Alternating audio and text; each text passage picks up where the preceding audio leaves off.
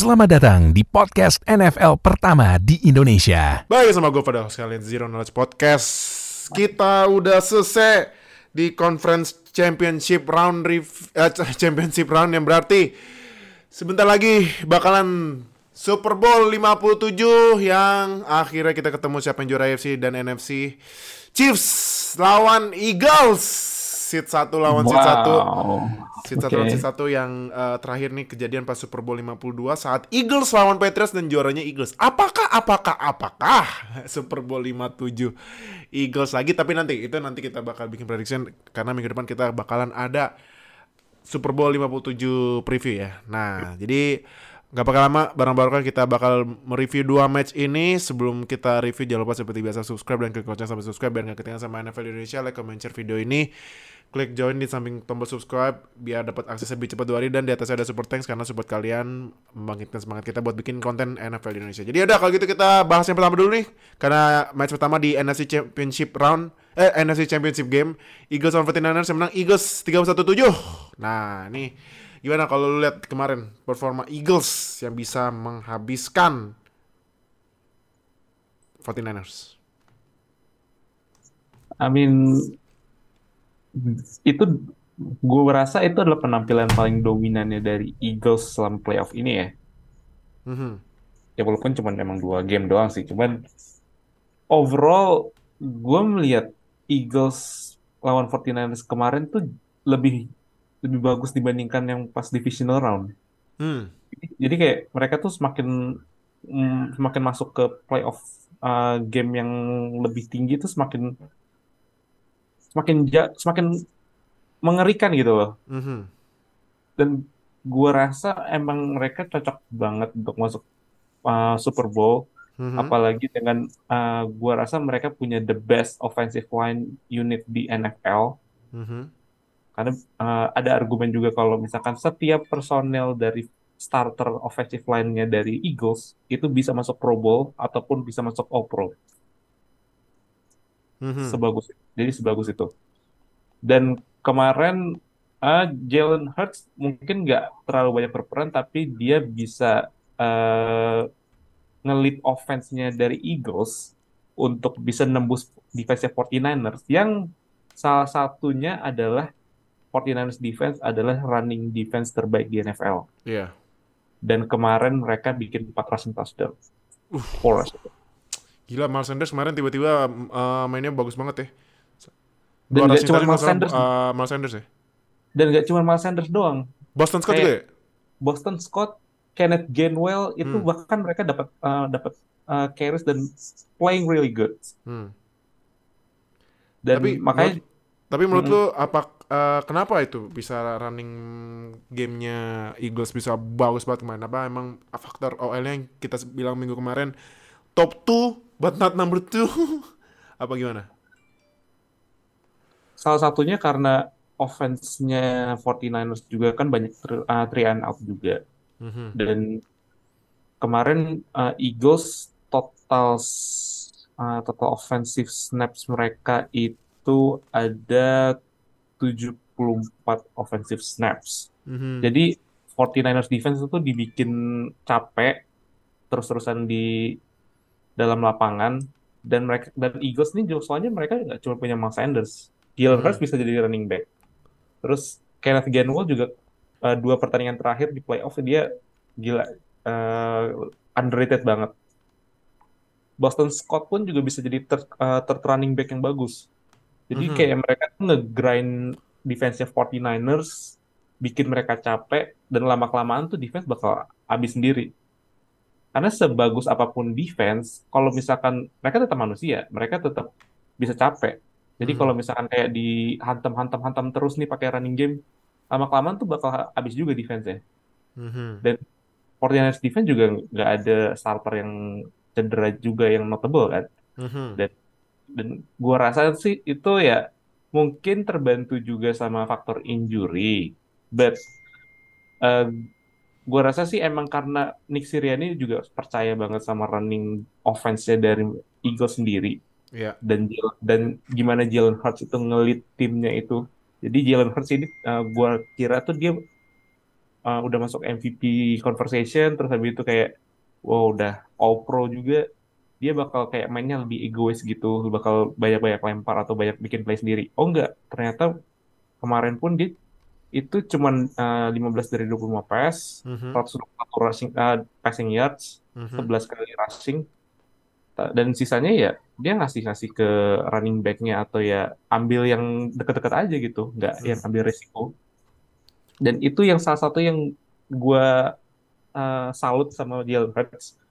Dia nggak egois dia nggak main untuk dirinya sendiri tapi Mhm. dia main ya untuk menang gitu. Hmm, dan ini juga salah satu atribut ter yang orang mungkin nggak begitu uh, lihat dari Jalen Hurts mhm. dia itu adalah winning quarterback Nah, iya. Iya sih.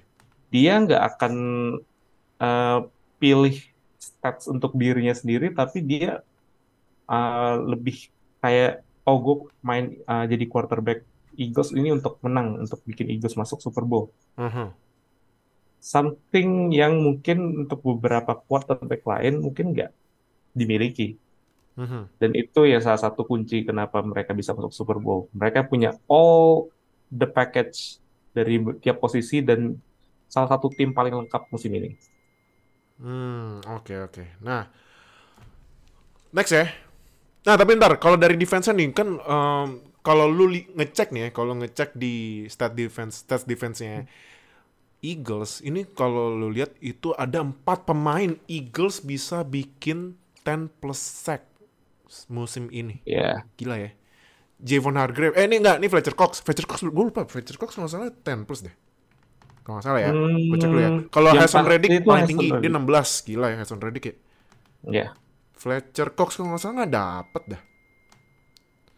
Gue lupa, gue lupa lupa ingat. Fletcher Cox ini kemarin ini eh, Brandon Graham, Brandon Graham ya, Javon Hargrave, Javon Hargrave, Josh Sweat. sama Josh Sweat, sama Hassan Reddick. Ah iya. Itu btw seharusnya tuh kemarin Hassan eh ini Brandon Graham seharusnya masuk comeback play of the year ya. Kan dia kan musim kemarin cedera parah. Musim ini bisa 10 plus sack ya. Ya dan impresinya lagi adalah Brandon Graham ini udah dia adalah longest tenure-nya Di Eagles. Eagles ya? Dia udah Eagles paling lama. Dia di Eagles ketika Michael Vick masih main. Nah itu iya bener. Iya. Ketika Michael Vick masih main. kandidat comeback play of the year kemarin ya. Hmm, Jadi oke. jadi ini ya kuncinya Eagles ini gue eh, eh, kasih kredit lagi. Mereka Mhm. bisa kombinasi antara pemain-pemain muda mereka, Mhm, pemain-pemain yang yang lagi in their prime, mhm, sama pemain-pemain veteran. aha. Karena lu kalau misalkan lu lihat kayak Jason Kelsey, Lane Johnson, Brandon Graham, Fletcher Cox, itu mereka udah ada di Eagles tuh sejak 2013 Mhm, dan mereka usianya udah lebih dari udah 30 plus. Tapi mereka bisa tetap konsisten dan bisa bawa Super Bowl lagi karena mereka juga ada di squad di 2017. Jadi mereka punya playoff experience, punya Super Bowl experience, Super Bowl winning experience gitu ya. Hmm. Jadi pengalaman menang Super Bowl-nya tuh ada. Jadi ini yang em, suka disepelein sama orang. Pemain yang punya pengalaman Super Bowl, pelatih yang punya pengalaman Super Bowl, itu penting buat tim yang lagi jago-jagonya. Oke, oke, oke. Nah, next ya. Yes. Eh, Jalen Hurts tadi lu udah bahas, tapi dari eh, performa dia kemarin pas lawan 49ers itu lu, lu yakin gak dia bakalan bisa bawa Eagles ke trofi keduanya dalam sejarah walaupun Jalen Hurts baru pertama kali loh main di Super Bowl. Ini ngelawannya Mahomes yang udah tiga, Tiga kali. kali. Eh, tiga Tiga dong. kali. Lima, Ah, ini- lima empat, ini yang lima ketiga lima, ya. lima tujuh. Nah, Ya, ini yang ketiga. Iya Jadi ketiga. yang Nah ini. Jalen Hurts pertama kali loh. Hmm. Menurut lu dengan Jalen performa Jalen Hurts kemarin, lu udah ya- lu yakin gak lo lihat Jalen Hurts bakalan eh, nanganin semua eh, pressure ya Hmm. pas Super Bowl 57 nanti. Kuncinya adalah apakah mereka bisa stay sama game plan mereka ya. Mhm. Karena kunci dari Eagles sendiri itu kan adalah uh, rushing offense yang konsisten, defense yang kenceng, sama offensive line yang solid. Mhm. Jalen Hurts uh, juga at some point dia akan making dia harus making plays. Mhm. Karena lawan mereka ntar di Super Bowl bukan kayak New York Giants yang bisa dia matiin dengan defense Mhm. atau 49ers kemarin yang nggak ada QB 1, QB 3 bahkan QB 4. Mhm. Tapi ini ini Mahomes dan juga Chiefs yang all season mereka tuh selalu konsisten sama kayak Eagles juga. Mereka Mhm. first seed lawan first seed. Jadi at some point kita harus lihat Jalen Hurts bisa bikin plays ya. Karena Mhm. nggak mungkin dia bakal kayak lawan 49ers kemarin bisa Iya. bisa stay on pocket terus habis itu mainnya lebih tenang, nggak terlalu banyak gerasak kerusuk gitu. Mhm. At some point dia harus nunjukin kalau dia adalah emang uh, one of the best quarterback di NFL musim ini. Hmm. Dan ke- dan ini interesting uh, salah satu yang menariknya juga adalah ini satu uh, Mahomes lawan Jalen Hurts ini adalah first pro first team all pro quarterback lawan second team all pro quarterback. Hmm. Iya, Dan ini dua kandidat dan ini dua kandidat MVP. Nah, Dua- gitu. Berarti dua ya seru ini eh, Super Bowl 57 sebenarnya. Dua kandidat MVP ya walaupun pengumumannya sebelum pengumumannya sebelum Super Bowl. Super Bowl, tapi ya ibaratnya ini ya lu lihatlah masa depan NFL bakal kayak gimana ya. Ya, Jadi eh ya nggak ada kata terlambat tentang NFL karena ya emang sekarang era baru NFL dimulai, ya kan? Karena banyak Iya. banget eh QB-QB muda yang udah bersinar ya, karena yang, yang tuir-tuir kayak Rodgers, Brady sudah tercuci ya, sudah tercuci tercuci pakai gitu ya. deterjen sampai kering itu, ya kan? Di, dijemur udah kering itu, tercuci dicuci lagi, Udah terlaundry kalau gitu. Ini terlaundry gitu. Oke, next. Nah, ini nih yang sangat disayangkan ya. Kemarin Brock Purdy cedera lengan dan ternyata beritanya dia eh, cedera UC UCL. Gue gua UCL. kira Champions League pas gue baca ternyata UCL. Gue gua nggak paham sih kalau ya gue nggak paham eh, bahasa medis. Eh, Lu tau mau UCL apa? Artinya bagiannya. UCL eh, istilahnya namanya kan torn eh, u- ultra ultaral collateral ligaments eh, Mhm. atau UCL. Mm-mm.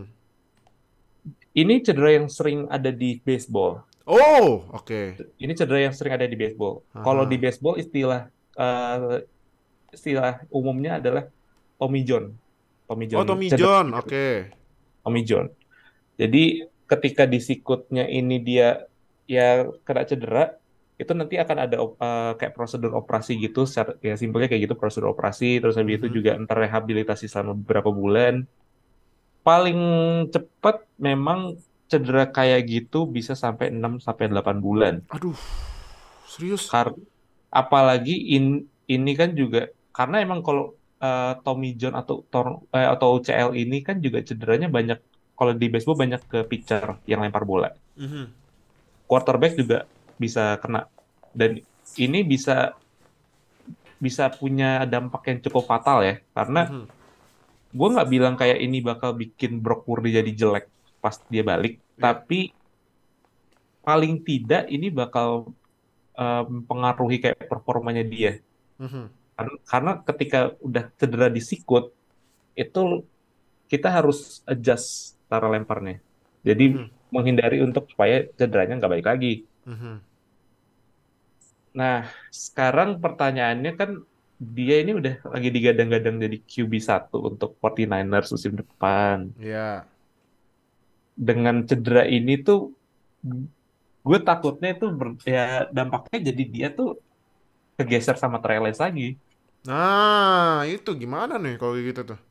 Nah pertanyaannya di Shanahan apakah dia akan percaya dengan his third overall pick yang beberapa pertandingan sebelum dia cedera juga mainnya not really that good Mhm. atau ya dia bertaruh sama Brock Purdy yang baru sembuh dari cedera dan cederanya juga bisa berefek kepada performanya dia karena itu Mhm. ber- karena udah di siku berpengaruh kepada lemparan.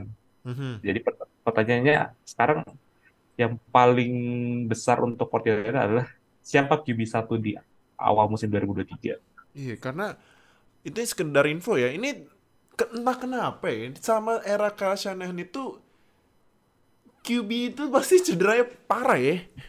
Dari zaman QB. Jimmy G, habis itu Trey Lance. diganti sekarang Trey Lance, kemarin Trey Lance cedera, sekarang Brock Purdy juga cedera. Kenapa ya? Pasti Eh, ada aja tuh cederanya. gue nggak tahu. Kalau Kali, kali, kali aja rumputnya Levi Stadium itu ada sesuatu yang bikin QB-QB langsung alergi dengan tetap di situ deh. Kayak, hmm, kayak ya kalau eh, ya kalau Brock Purdy mungkin cederanya lebih kayak eh, agak disayangkan aja sih, bukan kayak sesuatu yang emang gak salah dia juga, tapi ya ya emang mengkhawatirkannya sih selama Shanahan di 49ers nih emang cedera di QB itu lumayan eh, sering, terutama untuk QB starter mereka. hmm, Itulah alasan kenapa Jimmy G dilepas. Ya belum official, but ya kemungkinan besar dilepas. Dan QB-QB lain menggantikan dia juga for some reason ada cedera gitu. Jadi ya kita juga nggak bisa nerka-nerka juga sih apa ya yang terjadi di sini gitu kan. hmm, hmm. But ya gue rasa emang tim ini butuh stabilitas stabilitas di QB sih. Butuh QB yang memang sehat, bisa solid at least dan bisa ngelit offense-nya 49ers. Hmm, oke, oke. Nah, next ya. Lu is Nah, ini ada momen yang mungkin orang nggak nge tapi ini parah ya yang ini Trent Williams ngebanting pemain Eagles sampai berantem dan akhirnya Trent Williams di usir gitu. dikeluarin, ya dikeluarin. Keluarin ya.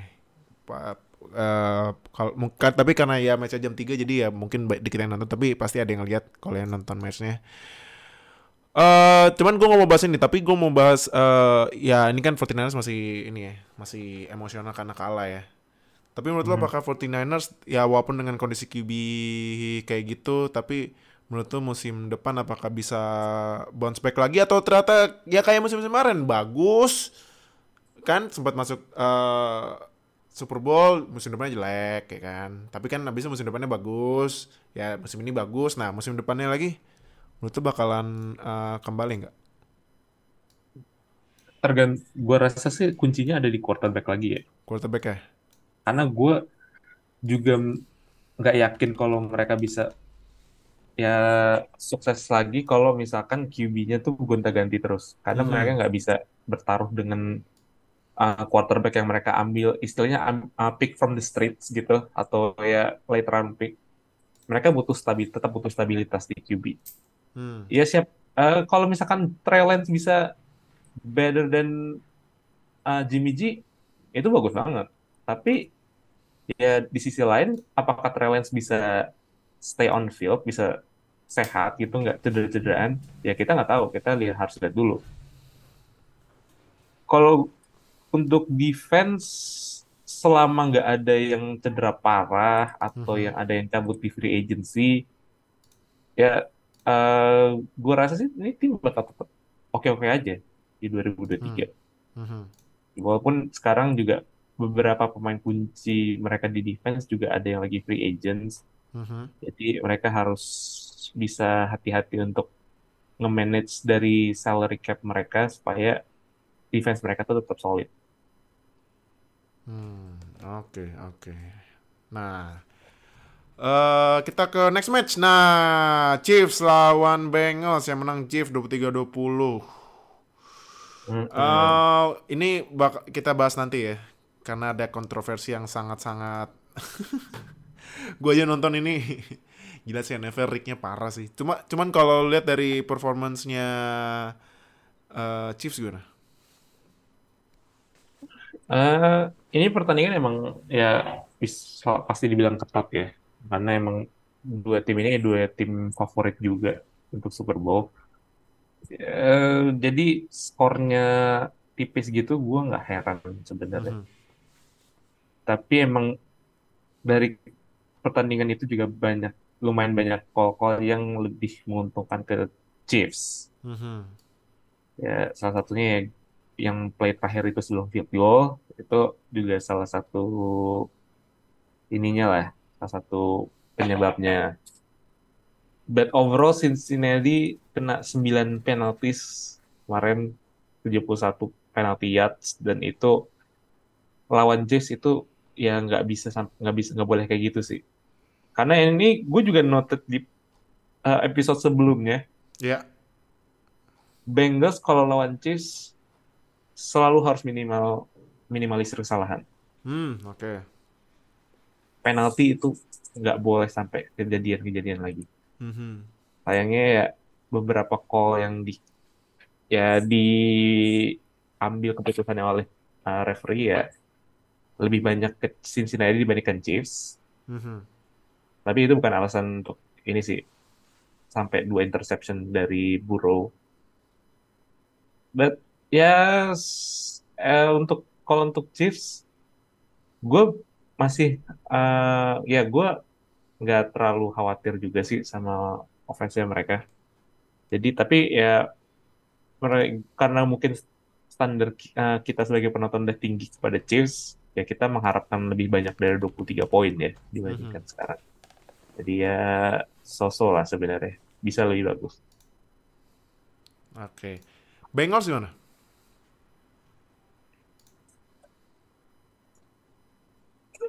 Sorry, sorry.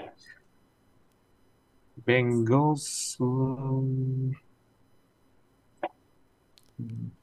satu kata eh satu kalimat untuk Bengals adalah get Burrow some lineman. Ah, itu. Karena kemarin gue ngeliat Chris Jones, wah, Chris Jones ngamuk sih, mainnya ngeri banget. Horor sumpah Chris Jones. Chris Jones, Frank Clark, Mhm. dua Chris Jones dua sack, Frank Clark satu setengah sack, total lima sack kena oleh Burrow. Mhm. Jadi offensive line yang nggak membantu dan semua QB di NFL, semua top 5, top 10 QB di NFL bisa bagus karena ada O-line. Iya, Gue nggak peduli siapa pun itu. Mahomes pun butuh O-line. iya Josh betul, Allen pun butuh O-line. Jalen Hurts punya Eagles O-line bisa masuk Super Bowl. betul. Burrow harus dikasih uh, protection lebih di sini. Jadi 5 sack itu it- itu kalau misalkan QB-QB yang biasa itu Mhm. udah udah PD-nya udah hilang. Ah, Kayak swag-nya udah hilang, udah mhm. langsung pan gampang panik. But ya gue selalu jadi Burrow adalah dia yang ya yang kena sack sebanyak itu tapi masih kayak eh, semangatin timnya gitu nggak yang nggak panik dan dia juga eh, making accurate throws tapi ya dua interception itu yang menurut gue satu interception sebenarnya sih bukan fully salah dia enggak tapi sih, menurut gue enggak. karena itu ya ya dipantul-pantulin sama Bolanya juggling defense ya. mulai juggling jadi ya potensi picknya gede banget tuh tapi ya satu interception lagi gue rasa itu emang um, overthrow-nya dari Burrow juga sih Hmm. jadi dan mereka juga sempat bikin second half adjustment juga sebelum ya field goal terakhir dari Chiefs yang ngalah yang basic ya basically mengakhiri satu game itu. Mhm. But overall ya their defense playing pretty good lah apalagi di second half. Ya satu ya satu kurangannya adalah ya mereka harus punya offensive line unit yang lebih bagus dari sekarang sih. Hmm. Karena Burrow saat ini masuk tahun ketiga Hmm. dan masuk tahun ketiga, tahun depan masuk tahun keempat. Kalau misalkan dia ambil fifth year option, very, uh, still very good. Ya. Tapi ada potensi dia bakal minta extension. Dan kunci dari extensionnya dia ini saat ini adalah apakah timnya ini sekarang, Cincinnati Bengals itu bisa compete di 2023. Mhm. Dan satu lagi kunci di situ untuk bisa compete, apakah mereka bisa invest online untuk melindungi Joe Burrow? Hmm. Itu dia kenapa- eh, yang harus diperhatiin di off season ya untuk Bengals. Hmm, Oke oke. Nah, kita bahas ini ya. Aduh. Jujur ya, gua udah nonton NFL lama. Menurut gua kemarin Chiefs lawan Bengals di drive terakhir itu itu udah bener-bener kasih lihat NFL itu rig sih. So ya sorry tuh saya ya, maaf ya, sorry gitu. Cuman aneh sumpah. Masa gini loh pertama, gimana cerita Chiefs bisa dapet dua kali, gue lupa dua, dua apa tiga kali. Gue gua bisa keliat kemarin lihat tweetnya Jamar Chase tiga. Cuman kalau gue lihat dua ya. Makanya gue bilang dua. Gue bingung gimana ceritanya Chief bisa dapat dua kali beruntun third down. Padahal itu third down-nya dilempar incomplete just just fourth down kan. Iya. Tapi ternyata Chiefs dapat third down lagi di repeat. The hell. Aneh kan? Itu repeat down itu benar-benar nggak masuk akal sebenarnya. Gak masuk akal banget. Yang kedua, yang pas Joe Burrow megang bola, itu jelas menurut gua ya, jelas itu nggak itu nggak grounding loh menurut gua. Karena dia ngelempar Iya. masih ada target receivernya, tapi dikasih grounding. Yang ketiga, Iya. malam sih ya karena ya Mahomes udah keluar dari lapangan terus didorong ya kena necessary roughness itu wajar lah ya. Cuman yang dua ini yang gue bingung. Kalau lu gimana lihat reaksi wasit ini pas di drive terakhir kemarin? Ya sebenarnya rahasia umum juga sih apakah dia rig atau enggak ya. Ya who knows, tapi ya ada indikasi bahwa it- ya itu ter, itu bisa kejadian. Mhm. Tapi saat yang bisa kita bilang saat ini adalah performanya ref kemarin benar-benar jelek. Hmm. Karena secara keseluruhan pertandingan kemarin itu punya 13 penaltis, tapi itu dua banding satu untuk Cincinnati. Aha. Dan gua rasa itu juga ya meru- merugikan banget buat Bengals. Karena di pertandingan yang sekaliber AFC Championship ini lawan Kansas City, itu kalau misalkan kena penalti-penalti gak jelas, itu bisa dihabisin sama sama Kansas City, sama Mhm. Chiefs. Dan yang nggak ditolong sama tadi yang udah kita bahas tentang online, Aha. terus juga defense yang sempat diobrak-abrik di uh, first half, ya ya ini bisa jadi ya salah satu pengaruh yang pengaruhi kenapa Bengals bisa kalah kemarin. Mhm. Ya, ya who knows lah apakah itu rig atau enggak. Tapi ya kita sekarang yang bisa kita kasih tahu bahwa performa kemarin itu layak dilabelin sebagai referee sabun istilah Ah. kita Tuh, referee sabun tuh. referee Ah, kan? Hmm. referee pegang judi atau gimana terserah. Gua nggak peduli. Tapi jangan sampai pengaruhin pertandingan gitu loh. Iya, makanya. kita sekarang kalau misalkan bilang kalau eh, menang atau kalah gara-gara keputusan ref kita selalu bilang referee sabun ya udah. Aha. referee sabun. Jadi ya sa- nggak seharusnya pertandingan sebagus AFC Championship ini apalagi lawan Mahomes lawan Burrow ini dipengaruhi sama keputusan ref sih jadi sangat disayangkan aja. Oke, jadi aduh gua gue jujur kemarin nonton draft terakhir itu gue gue gue kesel sih. Kesel banget ya, karena gimana ya? Ya ya gue nggak mau spekulasi banyak banyak karena gue nggak suka spekulasi spekulasi gitu. Cuman aneh sumpah aneh banget. Gue gue yang ya gue udah paham peraturan dan cara main NFL gimana itu ceritanya bisa dua kali beruntun third down loh what the hell Pus, gua gua gua gua sampai geleng-geleng loh. Hah, gimana ceritanya anjir? Iya, kita kayaknya juga pernah bahas tentang referee yang bikin banyak mistake di sini Aha. karena yang kita bilang waktu itu adalah referee di NFL ini punya beberapa ya istilahnya kayak definisi peraturannya gitu kayak ya menjelaskan peraturan tentang penalti ini apa. Tapi itu nggak jelas definisinya. Iya. Definisinya nggak jelas. Jadi kalau misalkan kayak tentang penalti roughing the passer itu yang paling sering roughing the passer terus Hmm. itu juga pass interference Pass interference ya. terus juga unnecessary roughness Aha. ataupun kayak em, kayak kemarin juga bahkan intentional grounding intentional grounding itu gampang sebenarnya kalau nggak ada wide receiver Iya, dilempar itu baru intentional grounding grounding. Nah, ini masalah ada. masalahnya ada Ah. jadi itu ya itu yang jadi pertanyaan itu apa yang dilihat sama kalau nggak salah referee-nya namanya Ron Tolbert itu sebenarnya dia udah lama juga jadi wasit apa yang di yang bikin mereka ngambil keputusan buat nge-call intentional grounding itu Hmm. ya mungkin kalau misalkan kayak unnecessary roughness yang terakhir itu yang Joseph Osai itu ya ya udah itu secara di secara apa namanya actionnya itu ya perfectly legal. Tapi beberapa keputusan mereka tuh juga ya sorry to say merugikan Bengals. Jadi ya nggak seharus emang nggak seharusnya sih pertandingan sebagus ini tuh dirusak oleh keputusan referee yang kayak gitu.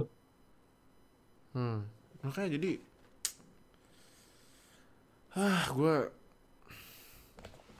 gue gue udah geleng-geleng sih liatnya kemarin. Benar-benar eh, ya gue nggak gimana ya gue nggak gue mau bilang Rick. Ya tapi emang kayak Rick gimana dong? Jadi ya udahlah gitu. eh, mau mau gimana lah mau gimana lagi? Jadi udah selesai juga kan hasilnya jadi ya udahlah mau mau di komplain juga nggak bisa udah mau Super Bowl lagi Pro Bowl ya kan? Jadi ya udahlah. Mm-mm. gitu jadi eh ya udah kalau gitu ini Super Bowl 57 ya? Jujur. Chiefs lawan Eagles siapa yang akan jadi juara Super Bowl 57 kita bakal bahas ya minggu depan di Super Bowl 57 preview karena nanti ada bin- dua bintang tamu spesial. Dan juga nanti bakalan ada acara kita punya acara lagi ya seperti biasa tiap tahun ritual acara di at America Pacific Place buat Super Yes. Bowl preview juga. Jadi pemanasan nih buat nanti kita nobar Super Bowl 57 balik lagi akhirnya bisa nobar lagi. Nanti di Offline America, tapi lagi. kita masih nunggu kabar at Amerika ya. Karena kalau kita cek kemarin ada dua venue yang udah confirm nobar di sign at Amerika tapi nanti kita pokoknya post listnya ya list eh, di mana aja buat nobar di nobar Super Bowl 57 jadi thank you banget yang udah eh nonton dan dengerin conference championship round review. Thank you Baroko udah join seperti biasa. Jangan lupa seperti Thank you. biasa eh, jangan lupa subscribe dan klik, klik lonceng sampai subscribe biar gak ketinggalan sama NFL Indonesia. Like comment share video ini. Di samping subscribe ada klik jo ada tombol join biar dapat eh, akses dua hari lebih cepat dan juga eh, di atasnya ada super thanks karena support kalian membangkitkan semangat kita buat bikin konten di Indonesia. Jadi thank you udah nonton dengerin sampai ketemu minggu depan di Super Bowl 57 preview dan jangan lupa ya satu lagi. Jangan lupa buat kalian yang mau nobar urus cuti dari sekarang ya. Kalau yang buat kerja Iya, yang buat betul. kuliah ya gua nggak menyarankan kalian untuk cabut tapi ya ya lu pikirin gimana caranya yang sekolah ya ya gua nggak menyarankan kalian buat cabut cuman ya Ya, siapa tahu kan. ya karena Super Bowl itu hanya sekali setahun. Setahun. Sekali doang. Oke? Sekali setahun. Jadi ya akhirnya bisa nobar lagi setelah dua tahun kemarin skip ya karena pandemi akhirnya kita bisa balik lagi. Dan semoga pas eh, menuju nobar nggak ada apa-apa ya. Jadi thank you yang udah nonton dan dengerin. Sampai ketemu minggu depan ya. Dadah semuanya. Bye. Terima kasih telah mendengarkan podcast NFL pertama di Indonesia. Sampai jumpa di podcast edisi selanjutnya.